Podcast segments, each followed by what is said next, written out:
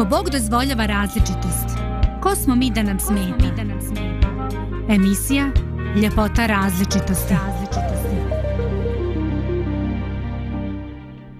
Lijep pozdrav i lijep dan za sve slušalce Radio Pomirenja. Također sa zadovoljstvom e, pozdravljam moje današnje saradnike u studiju Lidiju i Milana.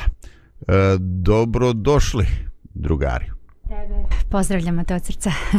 o, evo, evo, čak sam vas uključio da ne pričate ovaj... E, da idete čak i u etar, zamislite koji, koji luksus. O, dobro.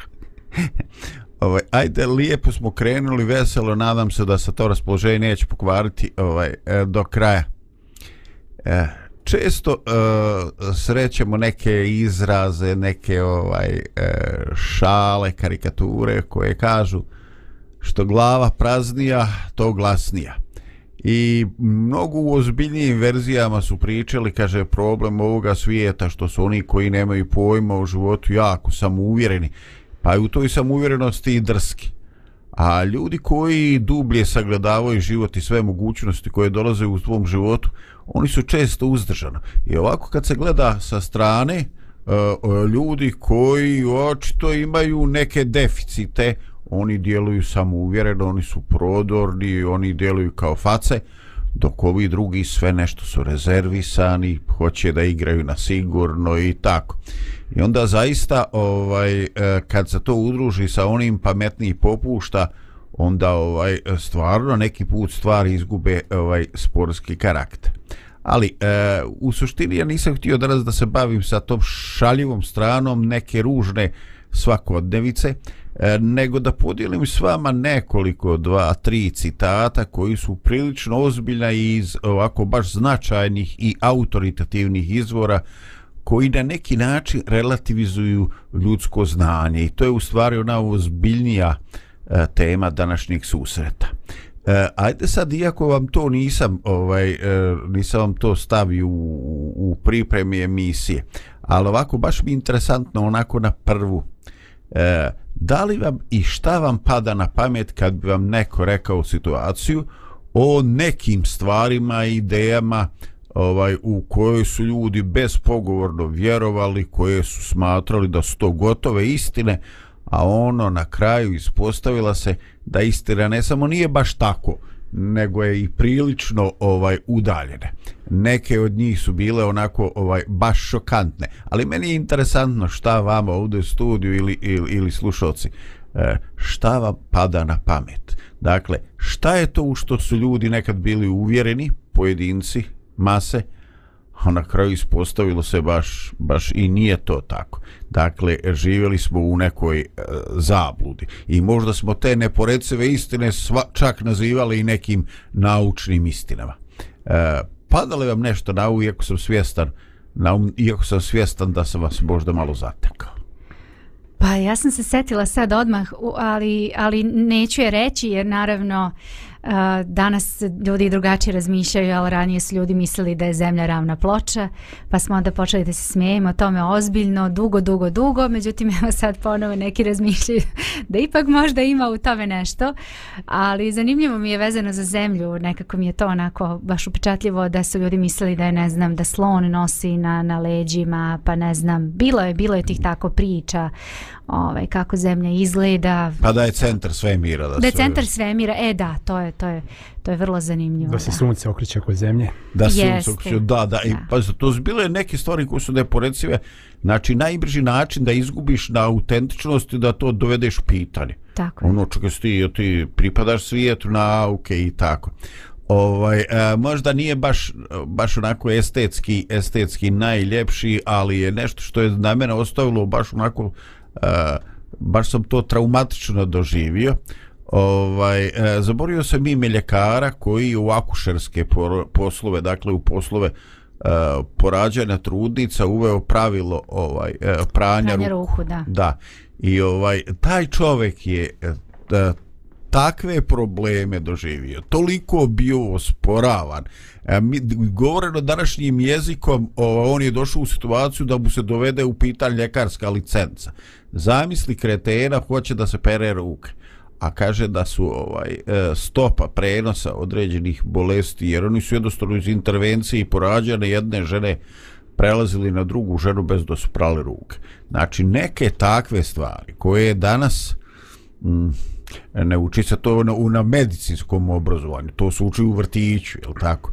E, nekad je to bilo nešto s čim se je trebalo ovaj suočiti, nešto s čim se je trebalo sukobiti i nešto ljudi moji ovaj zašto je trebalo ovaj duševne intelektualne hrabrosti. Evo našao sam ime, da. Uh, doktor se zvao Ignas Semmelweis. Mm. Da. On je u stvari bio Mađar, ali je radio u Austriji u 19. vijeku.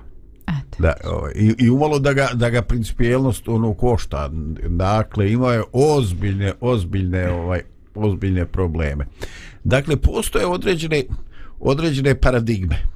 Ovaj, ajde ako dotičemo svije teologije, ovaj, ja sam e, nekada kao jako mlad, ajde neki 16 godina, našao knjigu Savremeni čovjek Biblija. Ljudi, kako je meni taj naslov ovaj značio. Ono, on je neki način ovaj e, ta savremenost je u mojoj glavi bila neporeciva vrijednost, a kao eto vidiš može se Biblija provući kroz tu prizmu. A mene je danas sramota. Mislim, jer ja kad vidim šta je savremenost, znači Biblija je ovaj bedem, arbirani beton, ništa se pomireno nije, a ova savremenost se nije na svaki 5 do 10 godina, ovaj, tako da je meni smiješno. Ovaj, ili E, naučnici potvrdili ovo je ono, pa mislim, čekaj, šta naučnici ima da potvrđuju pitanja vjere i tako. Znači, neke stvari su mi stvarno absurd, a u određenoj drugoj mentalnoj i misljenoj konstelaciji, eto, to je, ovaj, to je nešto ovaj značila. Dakle, e, davno je rečeno, e, znanje je krhko. I kažem, taman kad mislimo da neke istine znamo, neporecivo da su to činjenice, E onda kaže, život ima čudne načine da nas razuvjeri. Da nas razuvjeruju. Da, razuvjeruju sad to. mi nap pada na pamet kako su, um, kako su, mislim da je to bilo 1950. godina, da su um, ljekari u stvari reklamirali pušenje kao nešto pozitivno. U smislu pomaže vam da održavate liniju i tako dalje. A, a mislim, poslije toga kada, kada se otkrilo, ovaj, kako je, kako je zaista posljedice po zdravlje pušenje ima, onda, onda se promijenila priča, tako. Ali hoću reći da je, eto, ne tako davno da su sami ljekari reklamirali jednu od najpogubnijih navika po, po zdravlje čovjeka. Pa čakaj, i neke droge su u Americi bile u početku pakovane. Ovaj, neke, kao lijekovi, pa kao, dobro. Kao lijekovi, tako, da. Ovaj, eh, dobro, svašta nešto tu, tu ima. Ovaj, vidite, eh, E, ono što uh, ono što mene fas, fascinira ovaj uh, što u tom nekom uh, uh, teološkom znanju, nekoj bogos poznaj uh, sam sveti apostol Pavle u Korinđanima poslanici ovaj kad se piše njima i kaže uh, kaže nešto znamo i nešto prorokujemo i kaže kad dođe savršeno onda će prestati što je nešto možda na neki trenutak čovjek koji je nenaviknut na taj jezik ovaj arhaički jezik prošlosti da malo mu je to čudno kao nešto znamo nešto prorokujemo a kad dođe ono što je savršeno onda to nije nešto to je znači cjelokupna ovaj cjelokupna istina i u ostatku emisije ovaj e, čak ćemo dovesti i pitanje e, gdje je centar spoznaje čime i kako mi spoznajemo. Da li se, ovaj, da li se spoznaja uh, ograničava na spoznaju uh, razumsku, logičku, intelektualnu? Ili ona mnogo, nešto mnogo više? No, ovaj, uh, možda je to i dobar trenutak za uh, muzičku pauzu, pa da nastavimo dalje. Muzika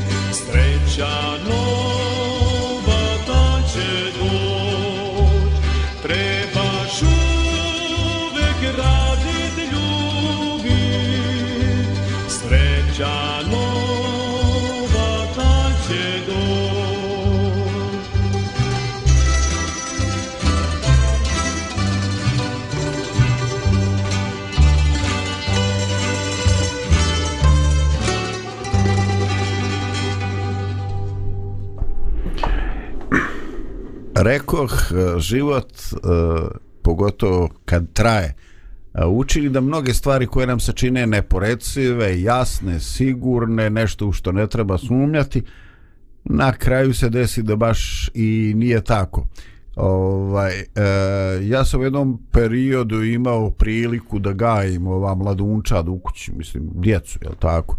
I onda pamtim ove situacije gde kaže, ovaj, djec se daje kamilica obavezno super čaj.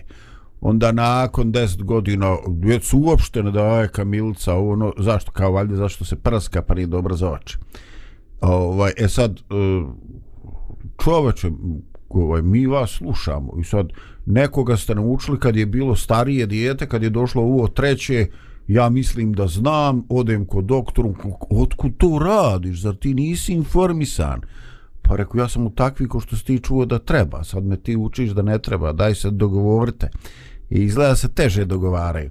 Ovaj, dakle, e, istina, e, istina u svojoj pojmu je problematična radi toga što mi jako teško razlikujemo e, neke e, apsolutne istine koje su e, htjeli mi ne uvijek vezane za određeni pojem božanstva i istine koje su ovaj e, odslikane koje su na neki način utisnute I sad se ja sjećam onih e, dana iz osnovne škole kad smo se počinjali baviti grafikom, koji je bila koji je baš prvi ovaj primjer grafike. Kod mene je bio ovaj pravi slovo od krompira. Pa namažeš vodenim bujicama pa otisneš na, na, na papir. Jeste vi to radili? I tako nešto. Mm, Ili linoleum. Onako ono malo gumirani pa tu praviš neke figure. Razpari se. Kako?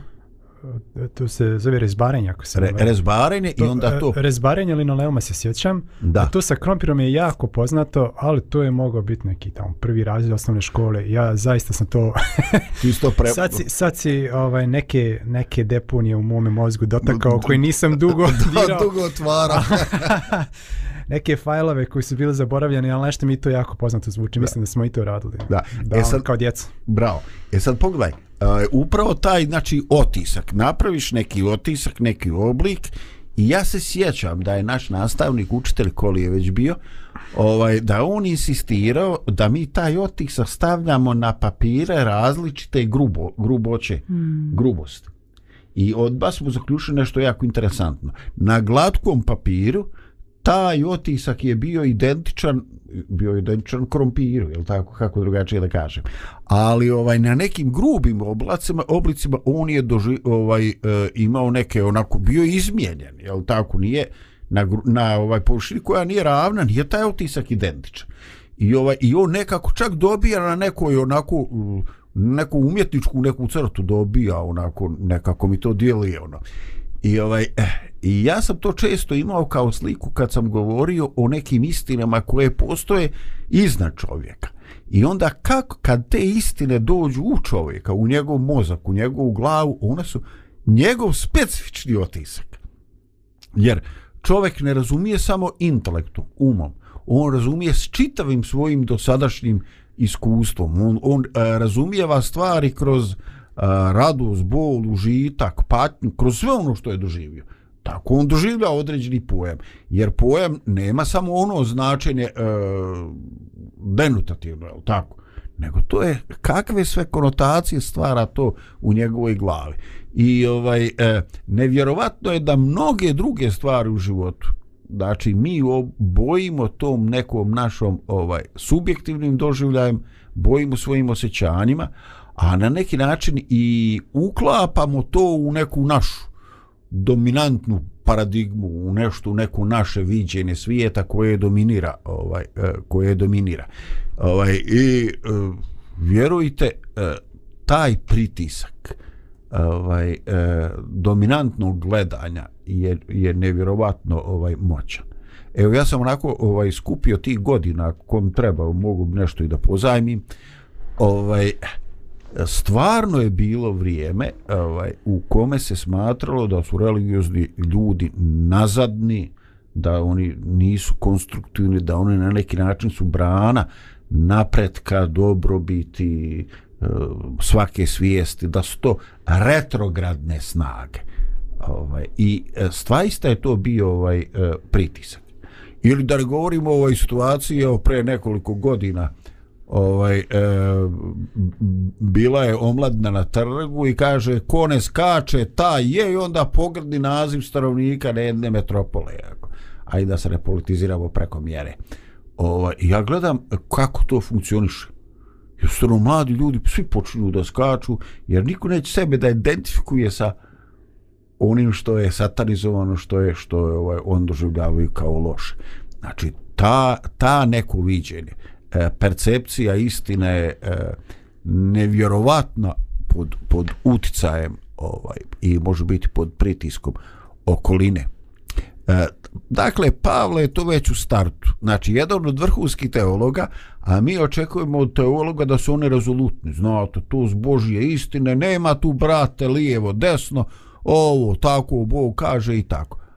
A nasuprot toga, veliki teolog, e, apostol kaže, ma mi ljudi nešto nabadamo, nešto znamo, ali to nisu konačne apsolutne istine. I one kad dođu, prestaći što je nešto. A, I mene ovo, ovaj, e, ovo nešto asocira na, na nastavak, na, e, na sufiks izam. izam na primjer, mi imamo mnoga e, gledanja na svijet, e, pokrete, pokrete, ovaj, i koje ovaj, govorimo ime to ovaj, evolucionizam, komunizam, materializam, kapitalizam. Znači imamo neki pojam i izam kao način pristup gledanja tome. Onda bi ovo bilo istinizam. ovaj, da, ne znam šta bi to bilo, ali čim je to izam, to je nešto ograničeno. A jest. I to je dovedeno u neku, u neku, u neku formu. Da li vas čudi što tako to jedan apostol Pavle umjesto mi očekam u sad će on biti ono neki ono isključiv isključiv ono božje pokazale mu se stvari vidio neke stvari s nebesa a on tu neke stvari relativizuje zašto on to radi a dobro mislim da a, dobro pravilo pri proučavanju a, pisma svetog pisma jeste da se uzima kontekst u kom je nešto rečeno mm -hmm. i ako se ne vjeram kontekstu u kom je apostol Pavle to govorio jeste da se uporedi superiornost ljubavi nad znanjem. Ovaj, I tamo negdje ovaj, na drugom mjestu piše jer znanje nadima, a ljubav izgrađuje, da parafraziram. I da, i da je apostol Pavle htio da kaže da je da je to neko znanje koje mi sad imamo djelimično, nesavršeno, a, uh, dok za razliku od toga ljubav je uvijek savršena. Mislim, uvijek savršena. Ljubav je iznad, iznad takvog nekog djelemičnog i prolaznog znanja. I da je možda neka praktična pouka za naše živote da umjesto da se svađamo ko je u pravu i ko ima čije je znanje bolje i ispravnije, da je bolje, da je bolje imati ljubavi. U smislu mm -hmm. sa nekog krišćanskog aspekta. Nažalost, to ne vidimo u ovom svijetu, pa čak ni među hrišćanima, koji se često međusobno svađaju ko je u pravu, ko je u krivu, koja je prava crkva, a koja nije, koja je sekta, a koja je crkva i tako dalje. A, da bi bilo mnogo bolje pokazati tu a, vjeru i tu neku, a, da kažem, bliskost Bogu i pravu istini na taj način što što pokazujemo više ljubavi. A ako se svađamo i ponižamo drugoga što ne zna, onda to baš ne, ne odražava ni, ni... To već dođe ono tvoje nadimanje. E, da. to je nadimanje, jeste. Postoji još jedna dimenzija, ovo si baš, Milane, baš lepo onako rekao, možda smo mogli i da ostavimo za kraj koliko je onako meni baš dobra misao bila, ali ja ću možda samo On nadograditi... Biće toga još. Ono, Biće još, toga još. Da. Ove, nadogradit ću još jednom tom spoznajom, a to je spoznaje da postoji Bog koji je iznad nas i našeg shvatanja ličnog i razumevanja. Ne samo shvatanja um, te neke istine uh, kao što jeste, nego shvatanja i života i svega što se dešava oko nas.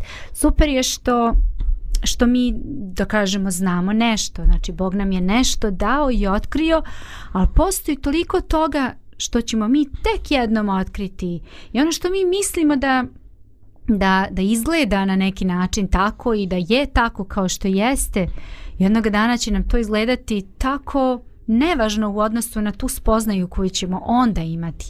Meni je to baš ovaj, dobra, dobra um, činjenica e, zato što znam da kad bih recimo mogla u potpunosti da spoznam ko je Bog i kad bih mogla da shvatim šta je On e, za mene u, u smislu uh, ne šta je on u odnosu na mene, nego šta je on sam po sebi, nekako ja bih smatrala da mogu da budem pa skoro pa jednaka Bogu. Zašto ne bih onda mogla da spoznam Boga do kraja ako, ako mogu da, da te stvari shvatim?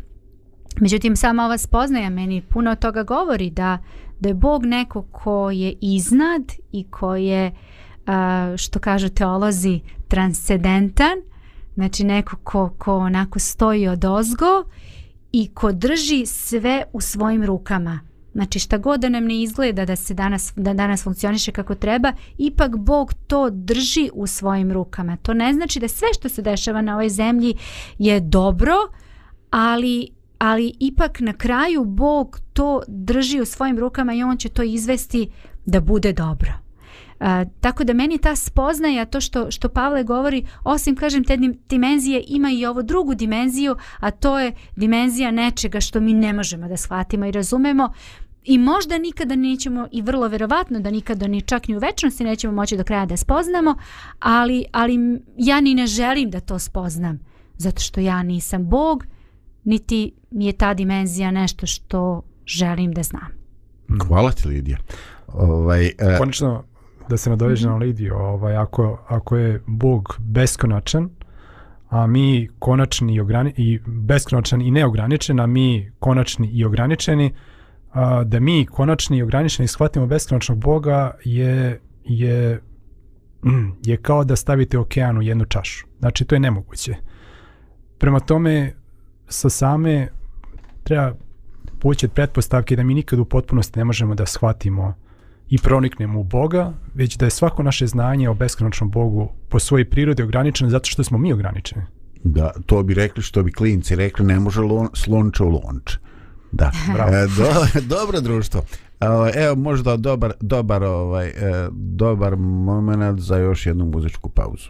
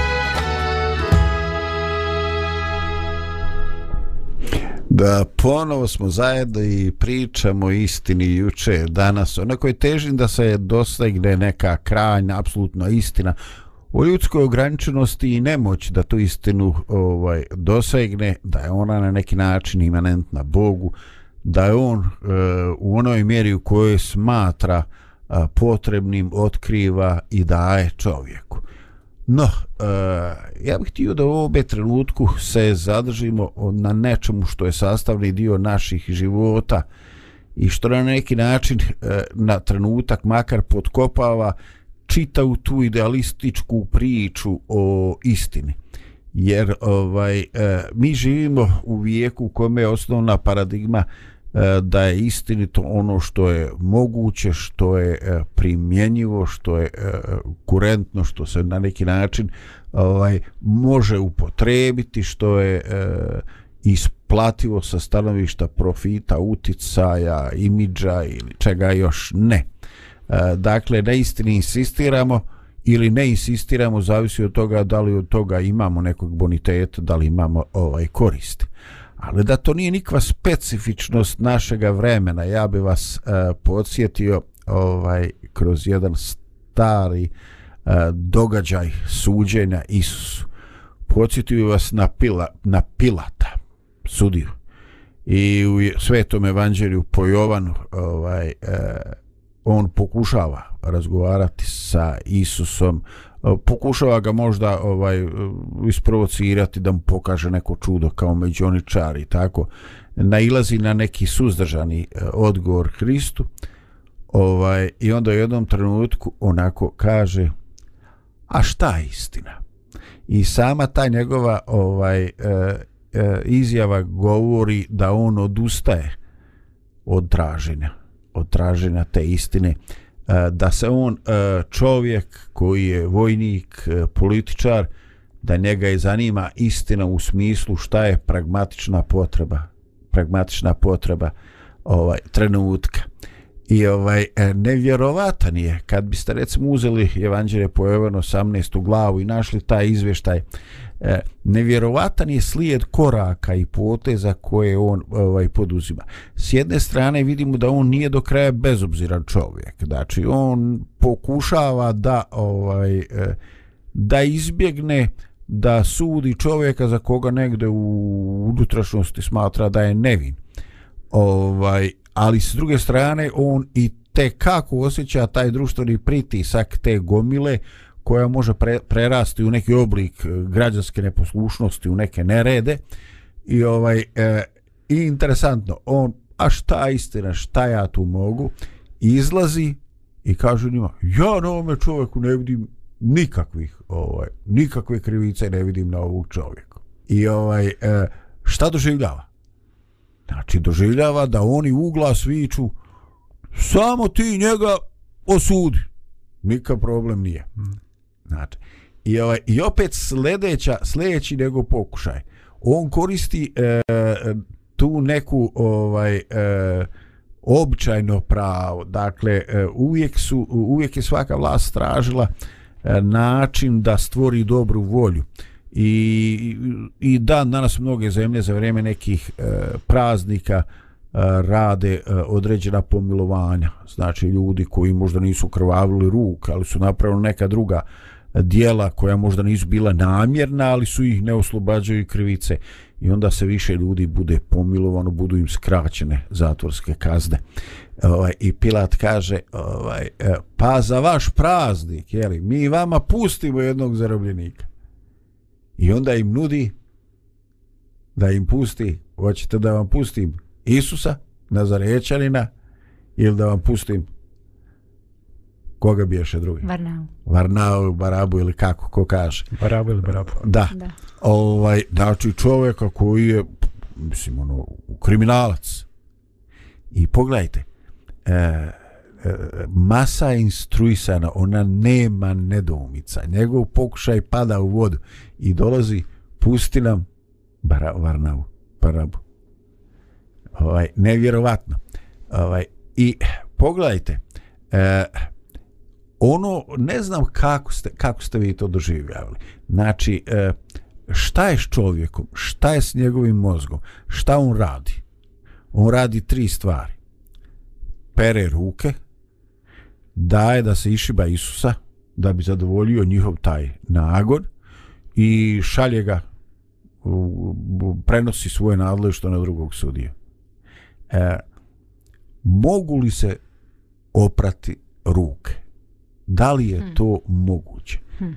Hmm. šta je on uradio e, šta je u stvari predstavljalo to njegovo pranje ruku da, pa ne kako, znam. ste ga, kako ste ga vi doživjeli zašto on to radi Je mislite da je upraljao ruke pa nije on tu koji su se On je došao čistih ruku. Pranje. To je obredno da. pranje i to je jasno, ali ja sad više razmišljam o tom pitanju, znači da li je on stvarno mogao da opere svoje ruke?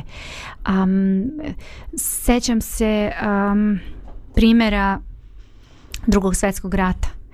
Ja često tako, još uvijek ja to ne mogu, iako, iako mi je jasno, jer sam malo sam, eto kažem, istraživala na tu temu, ali još uvijek ne mogu da shvatim kako je moguće da je taj narod dopustio da to sve ide tako tim tokom i da jednostavno ne vidi uh, problem. I onda ljudi jednostavno kažu, znači storičari, ljudi koji su pratili, kažu jednostavno narod uopšte nije bio uključen u taj čitav proces, niti je njih zanimalo Oni su jednostavno izabrali vladara, izabrali su nekoga ko će da vodi, ta ih je nekako vešto, što mi kažemo, um, da ne kažem neki ružan izgled, izraz, ali onako ih je nekako... Manipulisao s njih. Apsolutno manipulisao u svakom smislu. Jednostavno, to je tako prošlo. Uh, I onda se pitaš pa kako je to moguće? Kako je moguće da tako strašna stvar se dogodi? A, s druge strane, šta je sa, sa ljudima? Mi znamo, znači gledali smo i dokumentarce i filmovi su različiti pravljeni na tu temu o ljudima koji su bili e, samo služili, znači radili, izvršavali ono što im je rečeno. Da li se i njihova krivica smanjuje samim tim što su oni, oni kažu pa ja mi nismo imali kud, ja nisam imao kud. Nema je zapovjedne odgovornosti. Yes. A ti znaš znaš da to nije u redu šta učiniti u tom, u tom kontekstu i onda dolaziš do, do toga da da ono što je ispravno i što je istinito je vrlo relativno danas. Da li je ispravno da on sačuva svoj život jer treba svoje porodici sutra ili je ispravno da postupi tako što će reći ja to neću da uradim pa da izgubi svoj život. Um, opet dolazimo do toga da je istina vrlo relativna. Mm kad je kod čovjeka ona je toliko relativna da da bojim se da da e, često da li mu ušte može nositi to ovaj ime. Pilat je Pilat je imao autoritet da donese odluku u pogledu šta će biti sa sa svakim optuženikom uključujući sa Isusom i, i on je imao tu odgovornost da kaže da ga oslobodi ili da ga osudi. E, on je s jedne strane htio, a, a s druge s jedne strane on je osjećao, on je, on je vidio da ga a, poglavari jevrijskog naroda žele da predaju iz neke zavisti, a ne iz neke njekove stvarne krivice, on je to, on je to mogao da vidi i da osjeti da je, ovaj, da je taj čovjek pred njim nevin. A s druge strane nalazio se pod pritiskom mase i pod pritiskom um, um, Sinedriona, dakle tog nekog jevrijskog um, potencijalne pobune vijeća, možda, da. Ne pobune, već su, koji su mogli da, da ga tuže, recimo, Cezaru i da, da ga um, da ga uvali u neki problem. Da, da, traže zamjenu. I onda je ono htio da, da on je htio da s jedne strane izbjegne odgovornost krivice osuđivanja mhm. nevinog čovjeka, a s druge strane da ne bude da ne bude u problema zbog toga. Ali to u principu nije, nije moguće. Znači, tu, tu ne postoji neki, neki međuput. Znači, ili oslobodi nevinog čovjeka i pravi pred Bogom, ili osudi nevinog čovjeka i onda je kriv pred Bogom. E sad, problem je tome što ti sad tu znači jedan veliki problem, a to je da, da kad mi imamo neko lično osvjedočenje o tome šta je ispravno i šta je istina, a nalazimo se pod društvenim pritiskom da vjerujemo, govorimo ili radimo nešto što je suprotno tome. I tu je sad pitanje da s jedne strane mi smo moralna bića i da imamo nekakve moralne kodekse koje i jedino možemo da imamo unutrašnji mir i da kaže mentalno zdravlje dugoročno ako, ako slijedimo te moralne mm -hmm. principe koje imamo. A s druge strane i društvena smo bića koji želimo da nas drugi ljudi prihvataju, da nas cijene, da nas vole i, i oba je to normalno. Mm I od I, toga isto zavisi naš mentalnu stabilnost i naša zdravlje. I jednako je važno, koliko je jedno, toliko je tako, drugo. Tako, znači ljudi koji su odbačeni od svoje od sredine često često dobiju imaju problema sa mentalnim zdravljem zbog toga, zato što nismo nismo stvoreni da da živimo sami i i nasuprot cijelom svijetu. Uh, I možda upravo taj Pilatov slučaj govori da, da, da nije moguće oprati ruke. Mhm. da nije moguće oprati ruke i da i da u toj kada se mi nađemo u takvoj, u takvoj dilemi, u takvoj unutrašnjoj borbi, da li da stedimo naš unutrašnji osjećaj šta je ispravno, istinito ili pritiske svijeta, da je možda bolje poslušati ovaj prvi glas. Jer a, a, ja se sjećam kad sam ja bio adolescent, da sam se, znate, adolescenti želi da budu prihvaćeni, da im budu Jasno. Prihvaćeni u društvo da rade sve što da vole sve što vole mladi. da, da, da, ovo, Međutim, i vanjska ja... obilježje i sve iste cipele, iste pantalone. Međutim ja se ja nisam osjećao da da je to ispravno i da to tako treba i i dugo i nekoliko godina u meni je postala nekakva unutrašnja borba, da li će da stidim svoj osjećaj šta je ispravno i dobro, istinito ili ću da samo radim ono što drugi rade i da me tako prihvate kao, kao neko ko je jednak njima. Međutim, shvatio sam, možda zbog toga što sam uvijek bio nekakav takvog temperamenta da sam uvijek bio sklon razmišljanju, da ako bih donio odluku da postupim suprotno, suprotno samome sebi i onome što ja osjećam da je ispravno i slijedi masu, da nikad se ne bi osjećao ugodno kad bi sebe pogledao u ogledalo. Nikad mi se ta osoba ne bi dopadala. Taj nekakav koji koji popušta masi, koji slijedi masu, koji ne slijedi unutrašnja, unutrašnja osvjedočenja i uvjerenja. A, I da kod bi, kod god bi pogledao samog sebe, ugledalo da, se, da bi se stidio osobe koje sam postao. I odlučio sam da, da, da stidim ono što ja smatram, što sam ja razumijevo da istinito to ispravno, a koliko god bude bilo prijatelje na tom putu, a, bude, Biće dragocijeni. Biće, i to će biti dragocijeni i iskreni I prijatelji i pravi prijatelji koji me vole zbog onoga što ja jesam, a ne zbog maske koji sam stavio na sebe ili zbog onoga što se ja pretvaram da jesam. Znači ti prijatelji mi će zaista će me voljeti uh, onako kakav ja istinski jesam i ono što ja vjerujem, a ne, a ne u nešto što se ja pretvaram. Da. Ovaj e, definitivno definitivno je to nešto što ovaj saista ne može čovjek put neki prigovor. E, No naravno kao, kao i sve definicije ovaj u glavi mladoga čovjeka koji je e, sklon da potencira sve te stavove idealizma ovaj može stvoriti ovaj i, i nepotrebno izazivanje ovaj eh, propasti problema i tako ovaj eh, možda da radi pravljene ravnoteže upravo toga što se ti Milane rekao ovaj, u knjizi propovjednikovoj ovaj, znači stari zavjet, kaže se ne budi suviše pravjedan i suviše mudar, zašto bi sebe upropastio.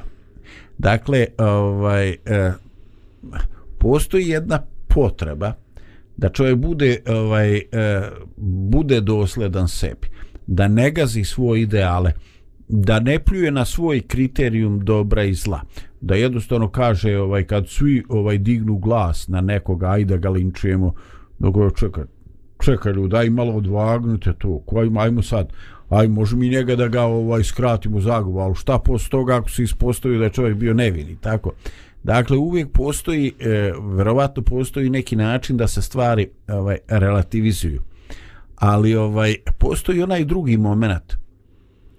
E, ponekad čovjek u svojoj želji da bude pravedan, ovaj, ode u jedan narcizam i on jednostavno ovaj, e, doživlja kao svoj problem i stvari koji objektivno nisu njegove problem eh, gdje njegov angažman definitivno ne odlučuje ništa ovaj, i on jednostavno u tom svom narcizmu smatra da svakom loncu mora biti poklopac i on stvarno ide iz problema u problem znači ovaj, nije nadležan nije dio grupe verovatno i krajnje ovaj, eh, krajna sudbina određenog pitanja ne zavisi od njega ali ovaj on je zamislio da on maksimalno pravedan i ono sve mu ima stav i o svemu se izjašnjava i vratno prije ili kasnije naleti na zid i kaže kud moma kud skreno kud ćeš kroz ja i tako ovaj e.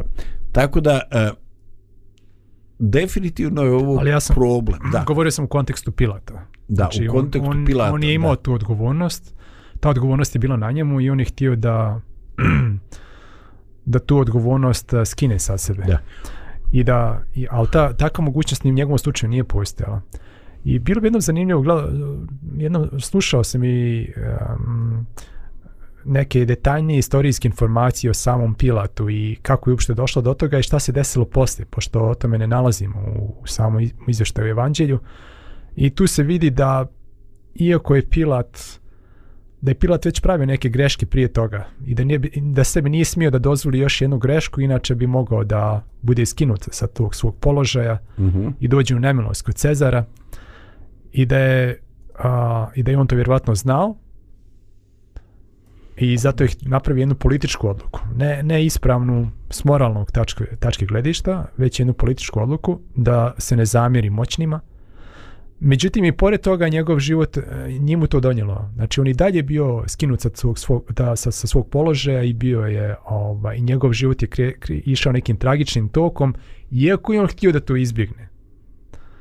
Dakle, Što hoću da kažem, nije donijela rezultate. Nije donijela rezultate. Znači, i nekako je možda i neočekivano da, da, da, da Božijeg sina koji je nije učinio greh u života kamo nekog uh, kriminalnog dijela osuditi na smrt, a da vam život onda ide u napredak i sreću. Je tako? To je bilo malo neočekivano da se desi. To se nije ni desilo. Što hoću da kažem? Da, da mi ponekad uh, žrtvujemo uh, principe i pravdu i istinu da, bismo, da bi nam život bio bolji, Ali a to bude. obično ne bude tako. Što meni govori da pustinji neko gore koji što bi rekao Belašević. Neko to od gore svi. Neko sve. gore sve vidi. Mm. Povlači I koji ne nagrađuje nemoralno ponašanje, koji ne, ne nagrađuje um, konformizam, koji ne nagrađuje uh, kako se to kaže, etika, etiku situacije i tako dalje. Već koji, nagra, ne, koji nagrađuje principijelnost, pravednost, um, istinoljubivost. Da. Yeah. Hvala ti Milane. Možda pa... sam ja zvučim previše idealističan. Ti voliš ovako da vidim da se danas raspoložen da relativizuješ to naše, ali ja iskreno pa... mislim da je, da je to tako. Ovaj vidi, ovaj ja ja se ponašam prema situaciji, ako krene u jednu krajnost, ja vučem na drugu. Da si ti sad bio neki surovi realista, ja bi udario po idealizmu. pa ovde, A, pa kontraš. voditelj je tu da pravi ravnotežu, ljudi moji, mislim, današnji voditelji, mislim, ništa ovaj, e, prije nego što mi padnemo u vatru o tome gde je centralna tačka ravnoteža klatna, da još malo čujemo neku opuštajuću muzičku tačku.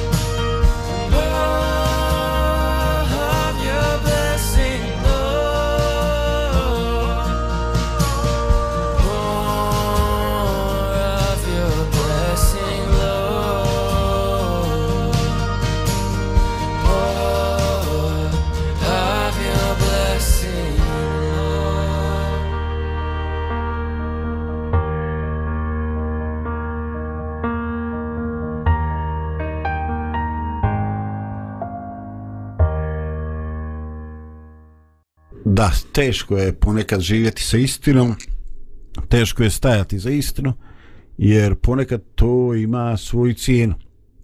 Ali rekao bi da sve potiče od e, neke naše e, samouvjerenosti ili od neke naše svijesti o ograničenju naš, našega bića koji smo spomnjali u prvome dijelu.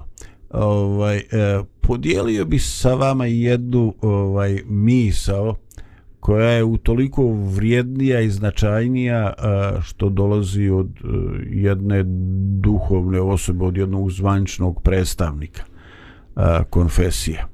Znači, svima vama pozvat e, Vladika Nikolaj Velimirović će reći ovako. Reći za jednu vjeru ili jednu filozofiju da sadrži svu istinu isto je što i reći da sve druge vjere i filozofije sadrže sve zablude. Ali ova od ove brutalnosti rijetko je kad slobodna velika masa ljudi. A zadobiti ovu slobodu znači učiniti jedan divovski korak ka veličini, ka božanstvu. Istina je šira, viša i dublja od vasione.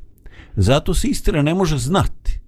Ona se može otkriti duhovnom čovjeku kao što se dan ne može znati, no može se otkriti u otvorenome oku.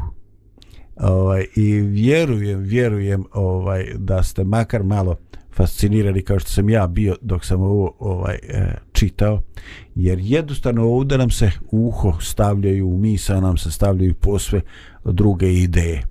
Ovdje se spoznaje i znanje e, ne želi ograničiti samo ono što je domet naše logike i našega ovaj, intelekta. E, ovdje je očito, ako ja dobro razumijem, e, spoznaja e, proširena na onaj trenutak kad čitavo naše biće rezanuje u potvrdi da to je tako. Kad je to zaista e, kušanje života svim našim čulima. Eh, kad naše biće kaže to je ispravno, to je tako, eh, kad mi ne tražimo više eh, razloge da opravdamo to, kad mi više ne pitamo koliko košta ta istina, kad je jednostavno to postalo sastavni dio bića i izrezati, odbaciti dio toga, znači odbaciti dio tvo, svoga srca, dio svoga prirode, baciti i bagatelisati dio svoga života onoga dara koji nam je ovaj Bog dao. Ovaj i zato bi u ovome zadnjem dijelu ovaj eh, pitao eh, koji je vaš doživljaj? Eh, imate li imate li to iskustvo? Da li ste se sretali situacijama ovaj kad jednostavno vaša uvjerenost u neke stvari eh, prevazilazi vašu sposobnost da logički objasnite i dokažete nešto drugim ljudima. E, kad znači unutrašnja osvjedočenost je e, takva da ona više ne traži nikakve dokaze. U kojim to životnim situacijama je, e, gdje ste vi to sretali? E, ili makar za koje situacije i pojmove e, koje e, vas vezuju ovakvi pojmovi? Koje asocijacije imate? danas je iskustvo čini mi se sve. Znači kada ti neko ispriča da je on nešto doživeo, osetio, eh, proveo negde neko vreme u nečemu, shvatio, ne postoji dokaz koji bi ti mogao da njemu tu njegovu istinu promeniš. Danas se čini mi se pogotovo to jako, jako aktuelno i mislim da je to dobro uh, ali svaka istina što kažemo ima dve, dve oštrice ili dve strane, može biti dobra i s druge strane i ne mora. Ja ću samo spomenuti da smo mi danas govorili o dve strane istine. Znači, s jedne strane postoji ona čuvena izjava Lutera koji je rekao ovde stojim, dalje ne mogu, tako mi Bog pomogao. Znači ja ostajem na ovoj istini i to je, to je tako kako jeste, a vi sad vidite dalje šta ćete. Uh, Znači, postoje neke životne situacije u kojima shvatimo da je nešto istina, ispravno postupanje, ispravan pogled na život, na neke stvari koje, koje prolazimo. E, makar i drugi drugačije mislili, to je naš stav. I tu stojimo i to je to. Znači, kako da zadržiš svoj stav i svoje mišljenje kada imaš pritisak od strane društva, možda ljudi oko tebe, porodice ili bilo čega, A s druge strane govorili smo, čini mi se možda smo veće akcije stavili na, na istini koja je vrlo relativna stvar. Možda ja mislim da imam istinu, a u stvari nemam istinu. A, možda mislim da, da je moj stav ispravan, a u stvari nije ispravan. A, da shvatimo da je istina ponekad vrlo relativna i da trebamo biti obazrivi kada govorimo o onome šta je zaista prava istina i šta je činjenica. I onda eto ja sam spomenula na kraju iskustvo koje je vrlo teško a, onako um, pomeriti sa, sa, sa stanovišta i, i pogleda nekog čoveka ili neke osobe, jer kažem kad nešto doživiš, ne može me niko više razuveriti da to nije tako. Tako da to su neke stvari, kažem, gde postoji istina koja jeste takva kakva jeste, treba je, drž, je se držati s druge strane, istina može nekada biti relativna, Tako da, to je to. treba se nositi sa svim tim. E, treba se nositi. Mile. Pa evo, ja sam odrastao u... Moji, moji roditelji nisu, nisu vjerovali u Boga i ja sam odrastao u jednom ateističkom okruženju. A, međutim, tragao sam za nekom istinom i a, izučavajući nauku, ja sam došao do zaključka da mora da postoji neki veliki um koji, koji sa planom i svrhom stvorio ovaj svijet i univerzum generalno.